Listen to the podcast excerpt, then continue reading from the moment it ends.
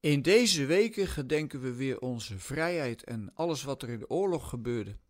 En het is helaas actueler dan ooit. Zoveel waanzin. Een aantal jaren geleden hebben wij een bezoek gebracht aan het concentratiekamp Auschwitz. En aan het vernietigingskamp Auschwitz-Birkenau. Dat zijn nu niet bepaald de meest toeristische uitstapjes.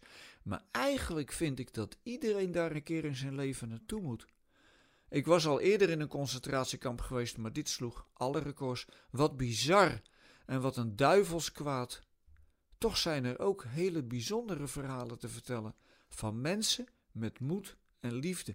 Een van die verhalen is me steeds maar bijgebleven: de geschiedenis van Maximilian Kolbe. Hij was een Poolse priester die gevangen zat in het concentratiekamp omdat hij als journalist artikelen had geschreven tegen de Duitsers.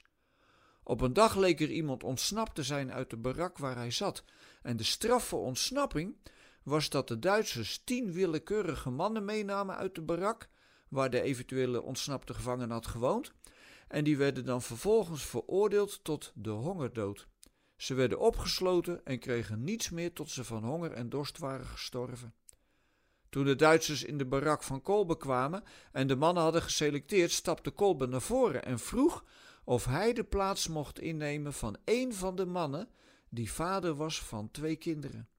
De Duitsers hebben dat geaccepteerd en zo werd hij samen met negen anderen opgesloten om te verhongeren. Wat een ongelooflijk verhaal. Na veertien dagen waren Kolbe en drie anderen nog steeds in leven en hebben de SS'ers hen een dodelijke injectie gegeven. Hoe kun je zoveel geloof en moed hebben om je zo aan te bieden? Dat kan niet uit menselijke kracht. En als ik nadenk over het plaatsvervangende lijden van Maximilian Kolbe, dan denk ik natuurlijk ook aan Jezus. Eigenlijk deed Kolbe wat Jezus had gedaan, plaatsvervangend de schuld op zich nemen. Dat is navolging tot in de uiterste consequenties. Wie van ons zou dat doen? Hier in Nederland is christen zijn nog steeds heel veilig. Ach ja, je wordt wel eens uitgelachen of bespottelijk gemaakt, maar voor de rest heb je niet zoveel te vrezen.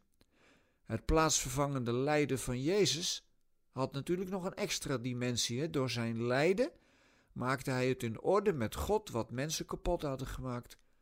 Met mooie woorden noemen we dat de verzoening voor onze zonden. Daardoor werd het leven weer voor ons mogelijk, het echte leven, oftewel het leven met God. Door het plaatsvervangende lijden van Maximilian Kolbe werd het leven ook mogelijk gemaakt voor de vader van de kinderen. Helaas heb ik niet kunnen achterhalen of deze vader uiteindelijk het kamp heeft overleefd. Maar de boodschap die Kolbe achterliet is duidelijk: Gods liefde gaat boven al het geweld en alle haat uit. Soms maar moeilijk te geloven, want telkens weer lijkt het of het kwaad het laatste woord heeft. Daarom moeten we dicht bij God blijven.